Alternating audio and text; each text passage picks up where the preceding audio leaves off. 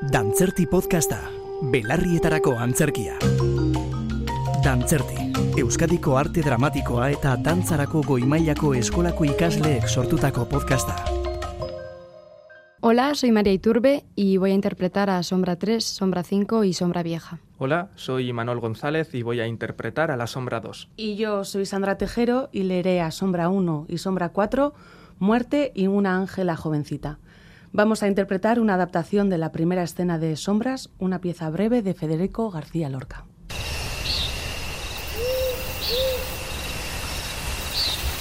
Si os parece bien, descansaremos un rato en este jardín. ¿En qué has conocido que esto es un jardín? Hay cierto aroma de agua pasada y una gran tranquilidad en el aire. Yo nada he notado. Desde que te conocí, todavía no has hecho nada más que preguntar. Eres impertinente. Es que estoy desconcertado y a ratos, te lo digo con franqueza, me imagino que soy aún una lechuga. Qué tristeza de inmortalidad. Pues ya es hora de que te fijes un poco. Ah, pero usted ha sido lechuga.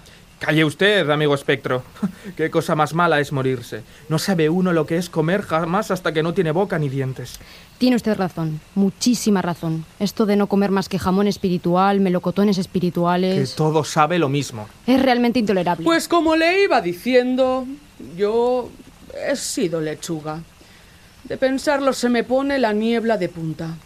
Qué dolores tan grandes he pasado cada vez que me arrancaban una hoja o mordían mi corazón blanco.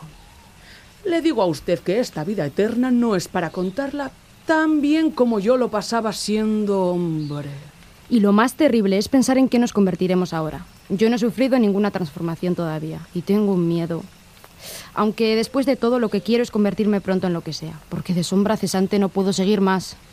Yo os aconsejo que prolonguéis vuestro estado de sombra todo lo que podáis. Usted no sabe lo que es ser lechuga y caer entre los dientes de un abogadillo de provincia española o de un canónigo con hijos. No he de saberlo. Precisamente he tenido por compañera de viaje al alma de un ministro de esa nación, que, entre paréntesis, canta muy bien las malagueñas, y ha referido cómo él se ha transformado sucesivamente en pepino, calabaza y en lo que menos se puede usted figurar, en huevo pasado por agua. Sí que es triste.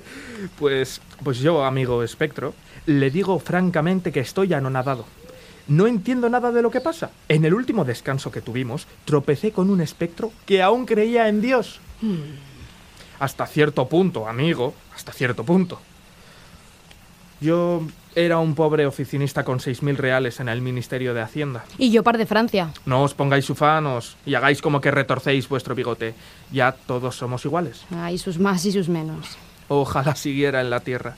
Aquella calle de Alcalá, ay de mí, qué dulce era mi vida.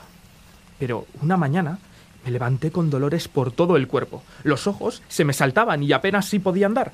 Estuve muchos días en cama, sufriendo lo indecible, hasta que una mañana, terrible mañana para mí, entró en mi cuarto una señora ordinaria y burlona, con los dientes llenos de hormiguillo, portadora de una mellada guadaña, que me dijo en un tono casi amistoso Mira, Pérez, ya es hora de que dejes tu arrugada carne para pasto de los pobrecitos gusanos y vueles un poco por todos los mundos en busca de emociones nuevas.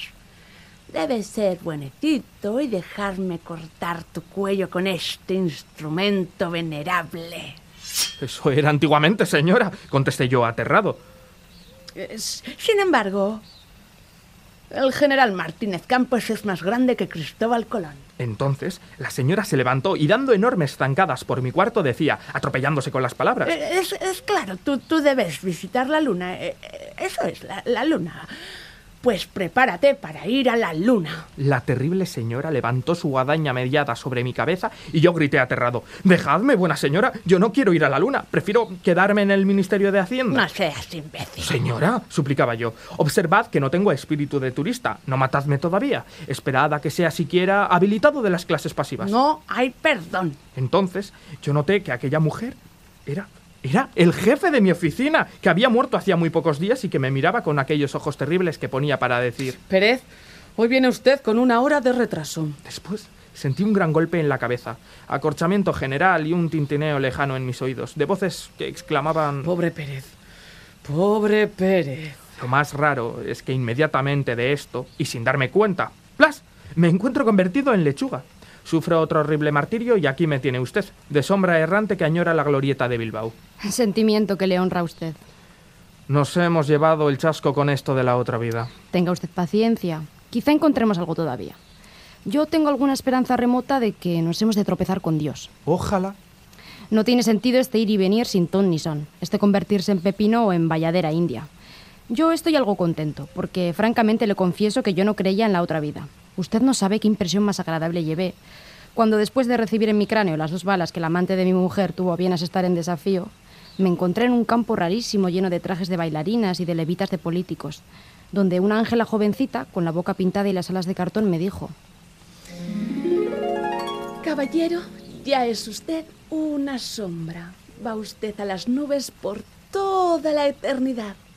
Tenga cuidado con el reuma. No lo diga muy alto. Yo creía a pies juntillas en la gloria. Y ya ve usted. Me muero para convertirme en lechuga. Y sabe Dios, digo Dios, no... Bueno, quien sea, ¿en qué me convertiré?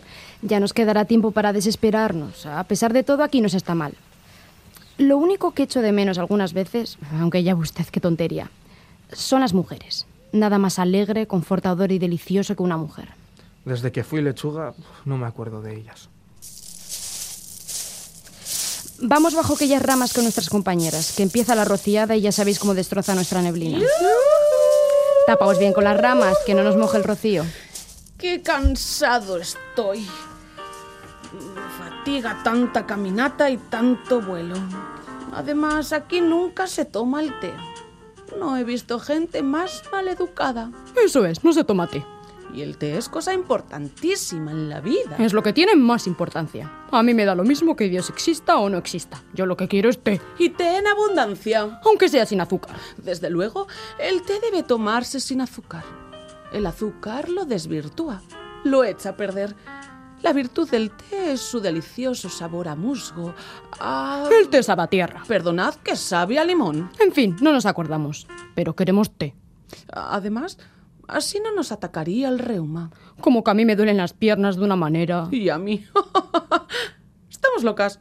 ¡Pero qué piernas! Estamos locas. Señoras sombras, acaba de descender de los otros espacios un mensajero diciendo que ha encontrado a Cristo en un rincón apartado de la inmensidad y le ha dicho formalmente que él no sabe qué camino conduce al reino del Padre, que él no conoce a su Padre más que de nombre y nos ruega con insistencia que si nosotros damos con el camino que lleva al Todopoderoso, le mandemos inmediatamente recado. Nos has equivocado el camino. No sirves para guiarnos. Cualquiera se pierde en estos laberintos. Yo ruego a todas las señoras sombras que tengan paciencia. Yo les aseguro que al fin daremos con el reino de Dios. Sí, pero nunca lo encontramos. Y ya hemos recorrido muchas veces el mismo camino. Señoras sombras, yo no tengo la culpa. Tan a gusto como yo estaría en Madrid. Y yo en París. Pero, ¿y ese té? Luego dirán que nos quejamos de reumáticas. Haya silencio en la asamblea. ¿Qué, qué ruido es ese? Un alma al este grupo caminante acaba de caerse en la tierra para encarnar. ¿Qué alma es? La del ministro español que cantaba malagueñas. Yo la conocía mucho. Asomarse a ver. ¿Dónde ha caído? Ha, ha caído en Andalucía. Pero en Andalucía no se toma té. Es una fecundación. El niño que nazca será poeta. Será un poeta insufrible. Así lo creo yo. Vamos a emprender el camino. Quizá tengamos más suerte. Llama a las sombras rezagadas. Qué aburrimiento. Dantzerti. Euskadiko arte dramatikoa eta dantzarako goi mailako eskolako ikasleek EITB podcasterako sortutako podcasta.